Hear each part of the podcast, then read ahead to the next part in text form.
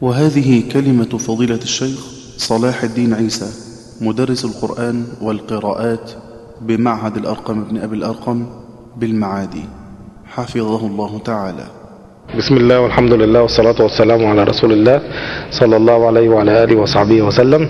استمعنا بفضل الله إلى قصيدة الشاطبية. بأداء أخينا الفاضل ياسر سلامة. ووجدناها منضبطة لعلم العروض. موافقة في ضبطها على حسب ما تلقيناه من مشايخنا وننصح بها طلاب علم القراءات أن يتناولوها ويحفظوا منها. وجزاه الله خيرا في أداء هذه القصيدة وجعلها الله في ميزان حسناته يوم القيامة. والحمد لله رب العالمين.